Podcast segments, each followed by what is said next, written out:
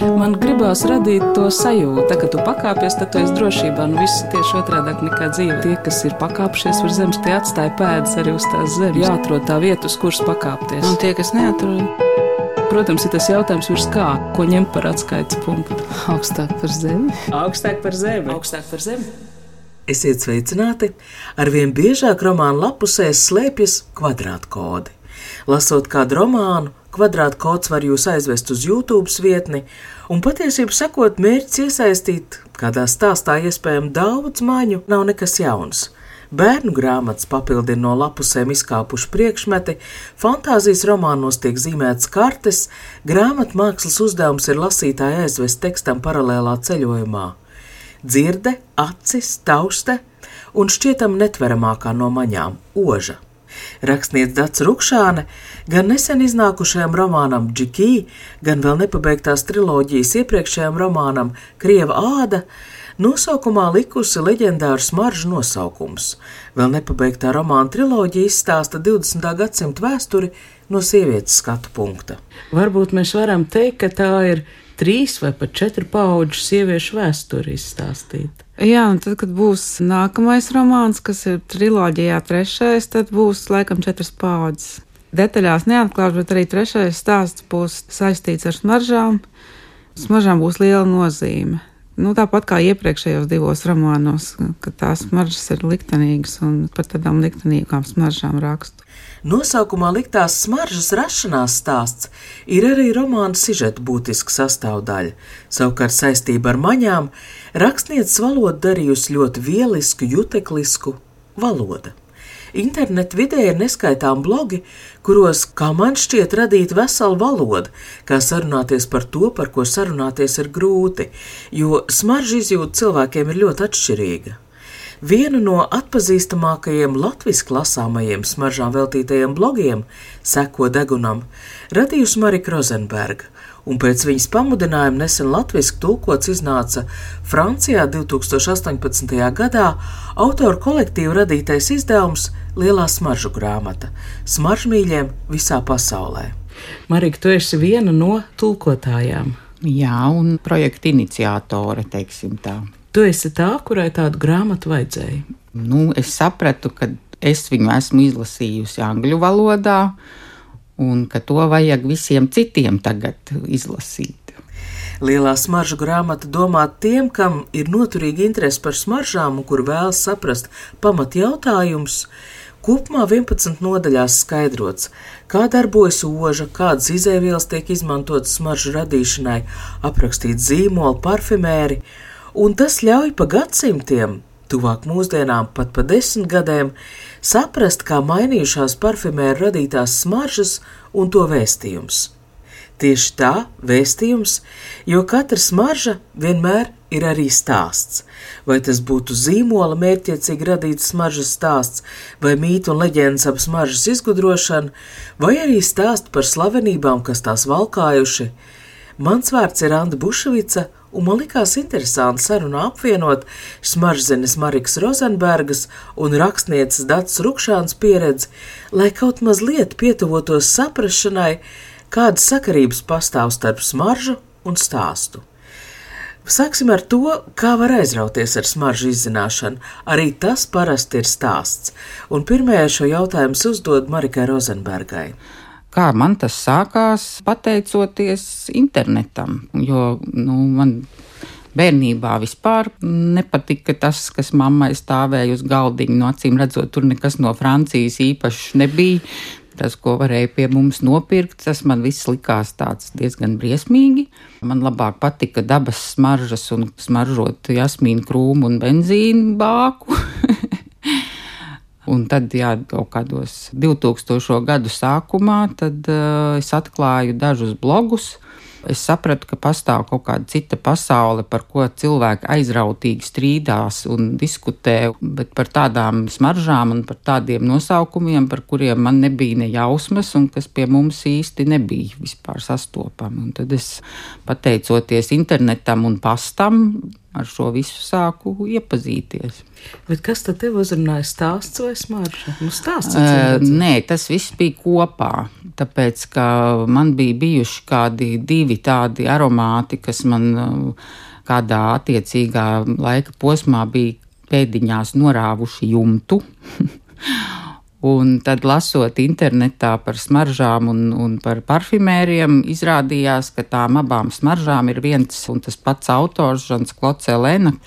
Aromāti bija katrs no pilnīgi cita zīmola, un man nekad neienāca prātā, ka viņiem ir kaut kas kopīgs, izņemot to, ka man viņi ārkārtīgi ir svarīgi. Un tad es sapratu, wow, ja tiem aromātiem ir viens autors, tad taču viņš noteikti ir radījis vēl kaut ko tikpat skaistu Un tā es sāku medīt uh, visu, ko es varēju, ko viņš ir radījis. Tad pa ceļam uzdūros arī citiem brīnišķīgiem parfimēriem, aromātiem, un tā tas viss sākās. Nākot uz interviju, es pamanīju, ka jūs abas jau esat pazīstams. Mēs jau esam ļoti sen pazīstams, bet uh, tā vairāk mēs iepazināmies laikam saistībā ar smaržām.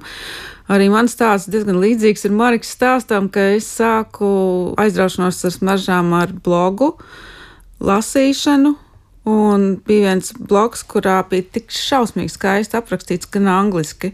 Tas maržas, tas, kā viņas izpaužās, tas, kāds ir stāsts apakšā, tas, kā viņas atverās un aizverās un pēc tam pārtop par citām. Un, angliski tik ļoti labā valodā bija izrakstīts, ka man tā aizrauga literatūra, un tad es sāku meklēt tālāk kaut ko, un tad es uzreiz atradu arī Marikas blogu, un, kas bija viens no tādām pamudinājumiem vēl vairāk ar tām smaržām aizrauties.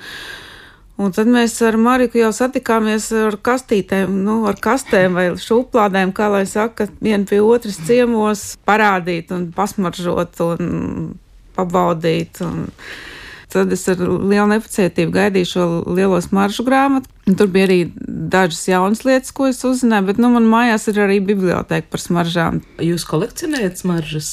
Jā, es kolekcionēju, pārsvarā kolekcionēju paraudzeņus, dažādas kolekcijas veidoju, un citreiz, kad kaut kas ļoti, ļoti, ļoti, ļoti iepatīkās, tad es nopērku arī lielāku pudeli, bet man nav tā, ka man vajag tās 100 ml pudeles, es pērku pašu mazāko to daudzumiņu, kas ir pieejams, jo es zinu, ka man patīk tik daudz to smaržu. Es nekad mūžā neizlietošu 100 ml no vienas. Katru dienu man ir savs noskaņojums, tam es piemeklēju, un ne visas smaržas, kas ir kolekcijā, ir lietojamas. Piemēram, man ir tāda kolekcija, ko radījis ir viens parfimērs par godu grāmatai parfīms. Un katrai šai nodaļai ir atbilstoša smarža. Un, piemēram, pirmā nodaļa ir dzemdības, un, tā, ja mēs atceramies to grāmatu vai redzējuši filmu, tad tās dzemdības notika zivju tirgu zem letes. Smird pēc zivīm, asinīm un nāves. nu, tāda smarža nav lietojama, bet kā kolekcijas smarža viņa ir vienkārši lieliska, jo to kolekciju vairs nekur nevar dabūt. Otrā smarža laikam bija zīdaiņu pakaus, kas smird pēc sasmakuša piena. Un bija human existence. Human existence pēc, kā, pēc kakao.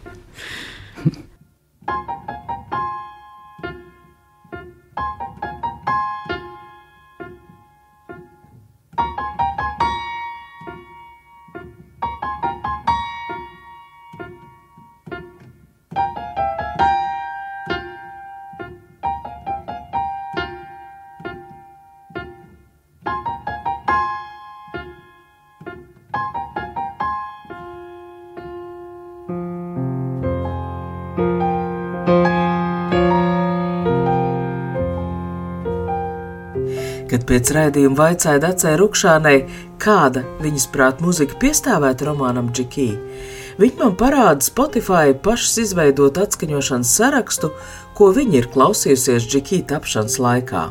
Mūzika no šī saraksta tad nu arī ir šai raidījumā, bet es mēģinu saprast, kāda vērienīga darba tapšanas iedvesmas avots. Džikī tā tad tā ir bijusi smarša un mūzika. Un tad, kad jums vajag iedvesmu romānam, jūs pieiet pie tās atvilknītes un atrodat? Vai smaržas krievāda, piemēram, ir jūsu kolekcijā? Jā, noteikti man ir smaržas krievāda kolekcijā, bet tā, protams, nav tās, kas bija tajā laikā, jo smaržas tiek pārformulētas, ik pa laikam tiek veidotas no jauna un jauna un padarītas modernākas. Romāns Krievu āda ir Dats Rukšāns triloģijas pirmais romāns, un tas ir stāsts par pagājušā gadsimta 50. un 60. dzīvi Hruščova laikā, kad pēckara latviešu paudzei par lielām šausmām romāna galvenā varone iemīl Krievu. Leģendārās Šanēlas Māržas Krievijas āda romāna nosaukumā pārtop Krieva ādā. Gan smaržas tapšanas stāsts, gan arī Dats Rukšāns romāna stāsts ir par sabiedrībai nepieņemamu mīlestību. Krievijas ādai stāsts, ka tās radītāja Koko Šanela bija iemīlējusies Kņazā Dmitrijā, un tad viņš šīs smaržas radīja par godu nepiepildītajai mīlei. Nevarēja viņi tur būt kopā, un, protams, un, un tad. Nu, kādu laiku viņi bija? Man kā šķiet, mīļākie jā, laikam, bet, jā. Bet... Nevarēja oficiāli neko noformēt, tā teikt. Krievijas ādas 19. gadsimtā bija visā Eiropā atpazīstama eksporta prece. Pēc kā gan tās varēja smaržot, lai iedvesmotu koko šaneli? Nu, es pieņemu, ka tas ar tiem zābakiem tomēr arī ir ar jā, darbu. Jā, jā. Un, un zābakiem, to... jā, tas tā kā no jātnieku zābakiem laikam tā doma, jātnieku zābaku pret sasvīdušu zirga sānu. Izklausās ļoti kārdoši. nu, rozes arī tur ir. Vai varam mazliet pakomentēt, tiek producēti tādi aromāti, kas galīgi nav pat nu, neasociēs ar neko patīkamu? Nē, nu, ko nozīmē ar patīkamu vai nepatīkamu? Tas viss ir mums galvā. Un uh, tā smaržu uztvere vienkārši ir ļoti izmainījusies pa šīm visām paudzēm. Jā. Neviens nav taisījis Krievijas ādu ar domu, ka šī smarža būs nepatīkama kādā gadījumā. Tas vienkārši tā tagad šķiet tiem deguniem, kas ir pieraduši pie šampūniem, tādām svaiguma kaut kādām smaržām, kur nekas vairāk par citrusiem un kaut kādu vanilīnu nav, un tāpēc tiem liekas, ka šis ir kaut kas tāds dīvains. Bet, ja mēs atceramies arī visas padomu laika smaržas, ja, ko bērnībā mammas lietoja dzintara Vai tas bija kaut kas tāds ļoti patīkams? Nevienmēr. Kaut gan tagad, protams, ja es atrodu kādu dzintara uh, vintāžas smaržu, piemēram, rudens ir ļoti brīnišķīgs, tāds dūmains, pilnīgi mūsdienu nišas aromāts, jā. Bet uh, ļoti daudz bija, kas uh, Nu, tas ir viss ļoti nosacīti, patīkams vai nepatīkams. Tas ir katram cilvēkam var būt pilnīgi cita uztvere. Jā, man liekas, tā, kad uh, iepazīstas maržas, tu viņus vairs neskaties patīk, nepatīk uh, skalā, bet tu, tu viņus skaties, vai cik interesanta pieredze kaut kāda citāda. Tāpat kā es, par, piemēram, par grāmatām lasot. Nu, ir dažas grāmatas, kuras var pateikt, patīk, nepatīk, bet, nu, tad, kad tu sāc skaidrot un, un iedziļināties, tur jau ir daudz niansētāk Jā, un ar smaržām ir tieši tāpatās. Man vairs nav tādas smaržas, kas nepatīk, ja vien viņi galīgi nav kaut kāda, nu, pilnīgi, pilnīgi ārprātīga, kā tajā kolekcijā, par kuras stāstīja, bet tev jau šķiet, ka tas ir piedzīvojums, kuram tu ej cauri, un kurš nav obligāti jānēsā, bet kur tu vari uzlikt kaut kā uz rokas un pēc tam sēdēt un domāt un meditēt vai kaut ko tur darīt, ko vienalga.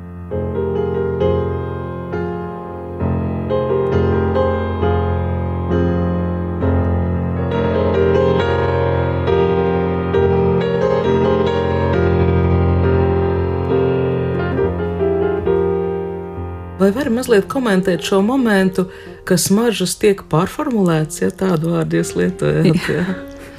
Jā, nu tas jau, protams, vislabāk aprakstīts tajā grāmatā. Tas ir process, kas ir saistīts ar pirmkārt dažādu veidu likumdošanu, tīpaši Eiropas Savienībā, kas ir ļoti stingra kas uh, skatās, kā smaržas parfimērija teiksim, ietekmē veselību, kādas alerģijas var tikt izraisītas, vai arī ietekmi uz dabu. Nu, lūk, tas ir viens, otrs ir tas, ka izaivielas attiecīgi mainās, mainās izaivielu ieguve. Tas jau, man liekas, katram cilvēkam loģiski ir saprotams, ka simts gadu laikā ķīmijas zinātne un rūpniecība viss mainās un nu, nevar būt tās pašas izaivielas, kas bija pirms simts gadiem smaržās pirmkārt. Jā. Nu, un arī tas, ka tās daudzas izaivielas, kas, um, kas piemēram, nu, pirmajās, tur nezinu, Chanel number 5 arī ir izmantotas, uh, šobrīd tiek uzskatītas par kancerogēnām vai par kaut kādām veselībai kaitīgām. Tās nekādā ziņā nedrīkst vairs tikt izmantotas, bet viņas tiek aizstātas ar citām. Jā, ja, piemēram, nu, smaržas čiki, viņas jau paostot arī par to mūsdienu formulējumu, var teikt, ka tās ir tādas vecmodīgas smaržas, tādas ir tā kā mūsu omītēm vai mamām, ja viņas dzīvot valstī, kur pieejams ir smaržas, ja viņas nebūtu no padomjas savienības. Viņām visām tām, nu, tā kā viņas daļai laikam sauc par vintage smaržām arī tā kā Nu, retro, retro, retro, retro laikam, jā, smaržas, jā. jā, nebija iedomājies to vārdu. Un tad var censties iedomāties, kā bija toreiz. Un to es arī daru. Es mēģinu saprast, kā smaržoja tās smaržas tajā laikā, kad viņas vēl nebija pārformulētas. Un dažreiz ir tāda iespēja, ka eBayā var nopirkt uh, arī īstās retro smaržas. Nezinu, cik viņi tur šmaucās, nešmaucās, bet kādreiz var kaut ko dabūt, kaut kādus mazus gabaliņus no tām smaržām. Un tad ir ļoti interesanti skatīties. Viņas, protams, ir nostāvējušās arī savu laiku, bet es atradu savai mammai uz dzimšanas dienu uzdāvināt vienu veco formulējumu 46. gada. Kurām smaržām šīm pašām? Nē, no šīm nē, Mitsuko. Mitsuko. Mm -hmm. Mitsuko, jā.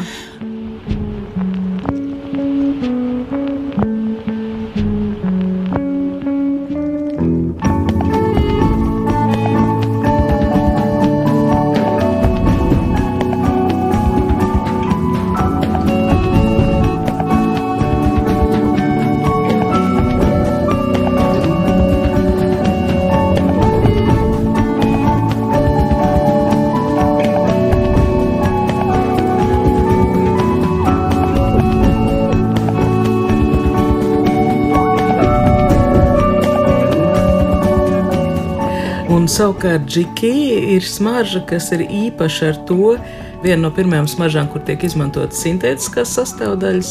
Jā, tāda viņa tā skaitās laikam tā kā pirmā modernā smarža.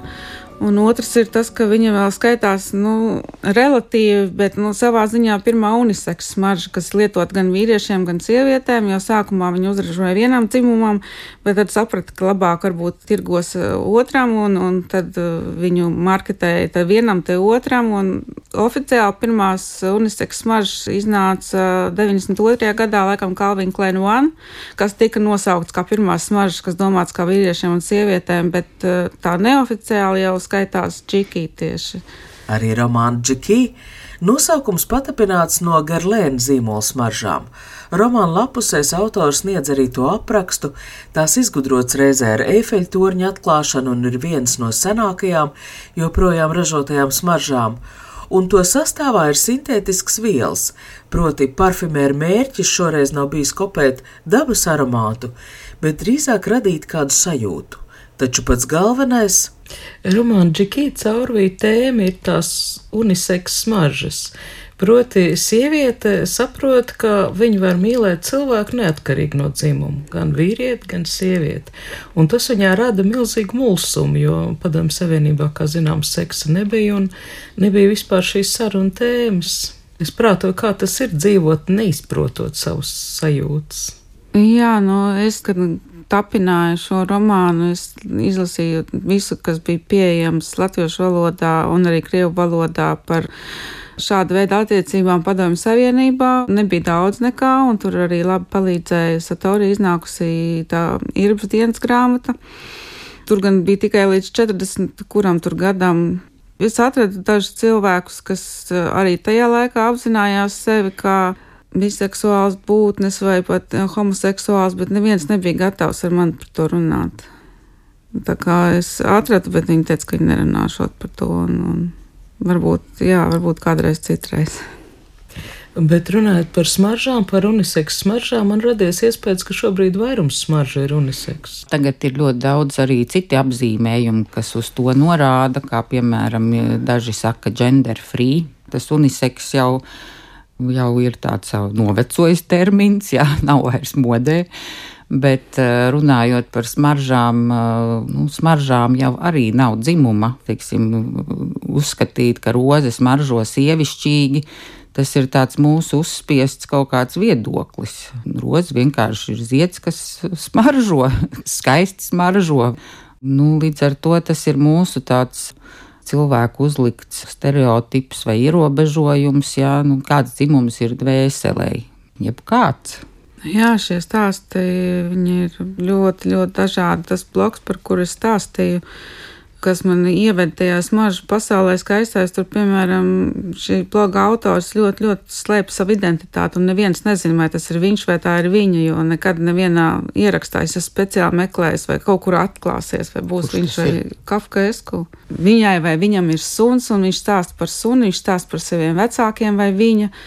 Bet kas tas ir, kas to stāsta, nav tas jocīgi. Tā vēl līdz šim neesmu sapratis, ar ko es runāju. Un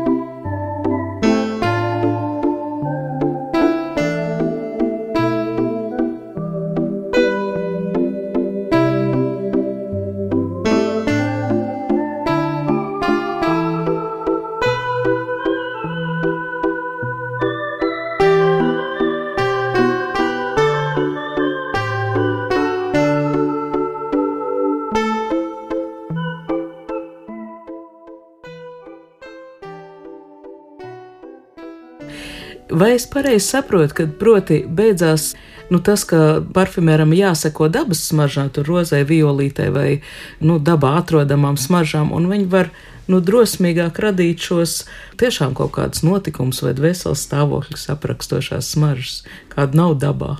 Jā, ir jau dažas tādas sintētiskās sastāvdaļas, par kurām droši vien Marika varēs pastāstīt labāk, kas vispār nav dabā jāņem grāmata priekšā, visi maipuķīšu, visādas. Nē, nu, ir tie, kas ir dabā, bet no kuriem nevar dabūt ārā.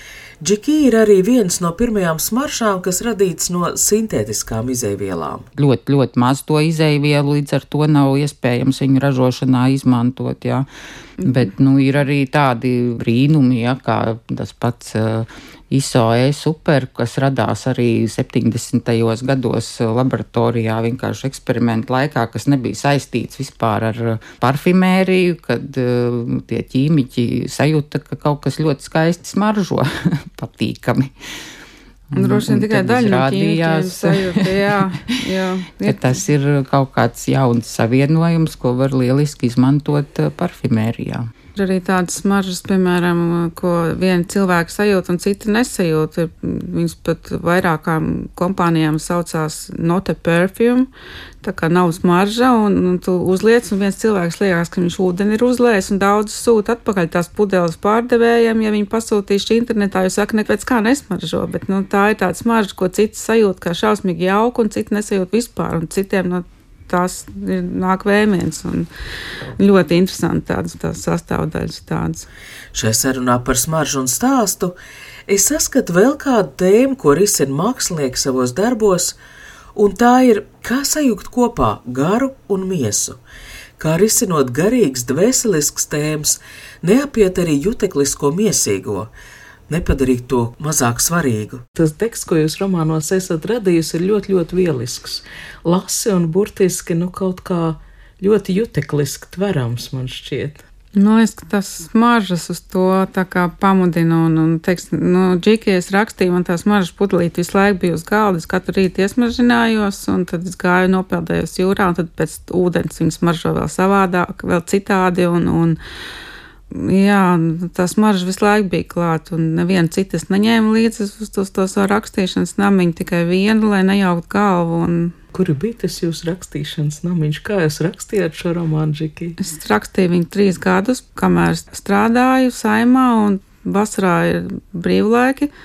Un tad pa brīvlaikiem es arī rakstīju, un trīs gadus no vietas, jā, jūras malām, tādā mazā namiņā, ko man saimnieka laipni piešķīra, un tā viņa tapa, jo paralēli darbam es tā kā nevarēju to darīt. Viņa tā kā pavasarām ir tādā saulē un vējā un siltumā. Un, un, un arī šis namiņš ir mazliet portretēts Džekija grāmatā.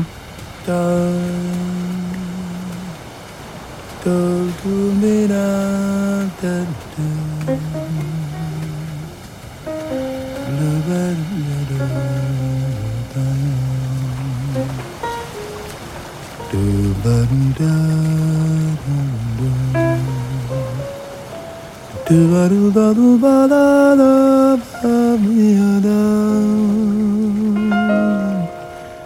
Ir romāni, kur ir ko ar kodi, ar um, norādēm, piemēram, uz YouTube, uz muziku, uz dziesmām kaut kādām. Un es prātoju, ka šī ir vēl viens maņas tāda atvēršana, sajūgt abas kopā. Nu, jā, es speciāli grāmatas prezentācijai nopirku džekiju pudeli, kur var lietot, un, un es viņu tagad arī braukājot apkārt, tiekoties ar lasītājiem, ņemšu līdzi. Un es vēl Marikai dienu pirms prezentācijas zvanīju un prasīju, kur var dabūt tās mazās lapiņas, uz kurām šļākt virsū, lai varētu ielikt grāmatās, kuras cilvēkiem dod, un parāks tad varētu ielikt to smaržu līdzi. Un... Es, starp citu, rīkojies līdzīgi, kad iznāca tavu dzīves izlases smarža. Tur arī Jā, bija smarša. tāda smarša. Tur arī bija tāda kā grāmatzīme ar ļoti konkrētu smaršu.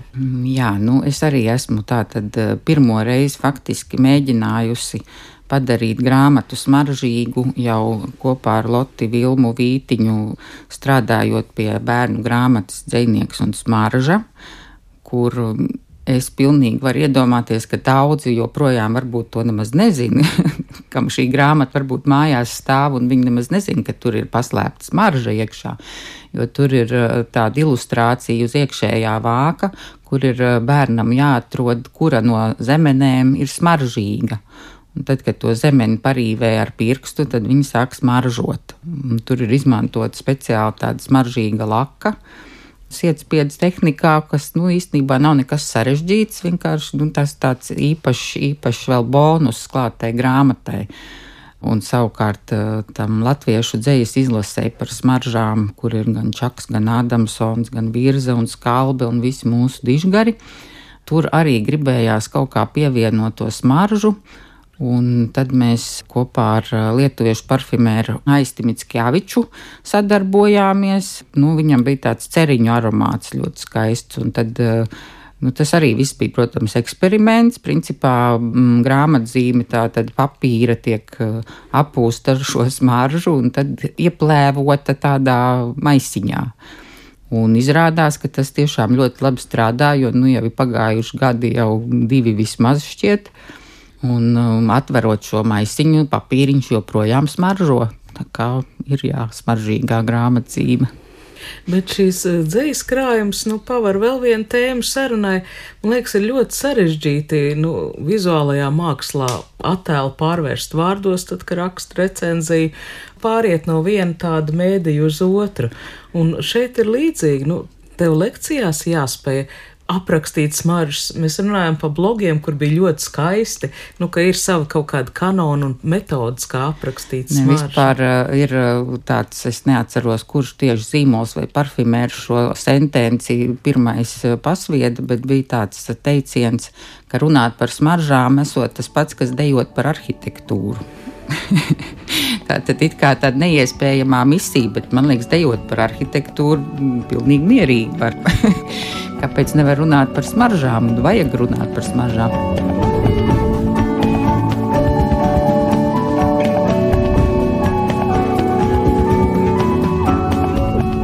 Romāna Džekija turpinājums jau top. Jā, pašreiz es tā kā atrāvos tieši, lai atbrauktu uz studiju. Un pēc kā smaržos? À, to es neteikšu, tas vēl noslēpums ir. Bet, bet katrā bet ziņā tas būs, tie būs 90. gadi, un 90. un 2000. gadi Būs tur viena slavena 90. gadu smarža, kas smaržo droši vien pēc iekāras. Un, 90. un, un, un grēka, jā.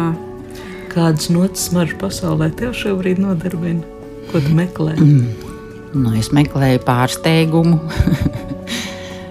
nu, nu, to ir tiešām ļoti grūti pateikt. Ko meklē, kamēr tu neesi to pasmaržojis, tu jau nezini, jā, kas tas ir. Par smaržu un stāstu ar romānu Krieva āda un džekija autori Dats Rukšāni un lielās smaržu grāmatas tulkotāju un izdošanas iniciatoru Mariku Rozenbergu sarunājās Anna Bušvice. Šī raidījuma skaņoperators Valdis Raitums.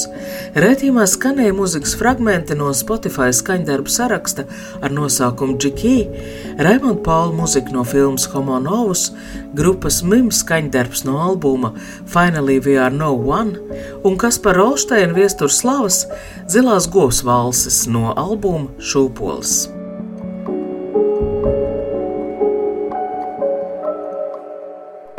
Tā kā tu pakāpies, tad tu esi drošībā. Nu, viss ir tieši otrādi nekā dzīve. Tas ir tā spēle, jā. Tie, kas ir pakāpšies virs zemes, tie atstāja pēdas arī uz tās zemes. Protams, ir tas jautājums, ko ņemt par atskaites punktu. Nē, nu, principā ir skaidrs, augstāk par zemi. Jāatrod tā vieta, uz kuras pakāpties. Augstāk par zemi. Augstāk par zemi. Augstāk par zemi.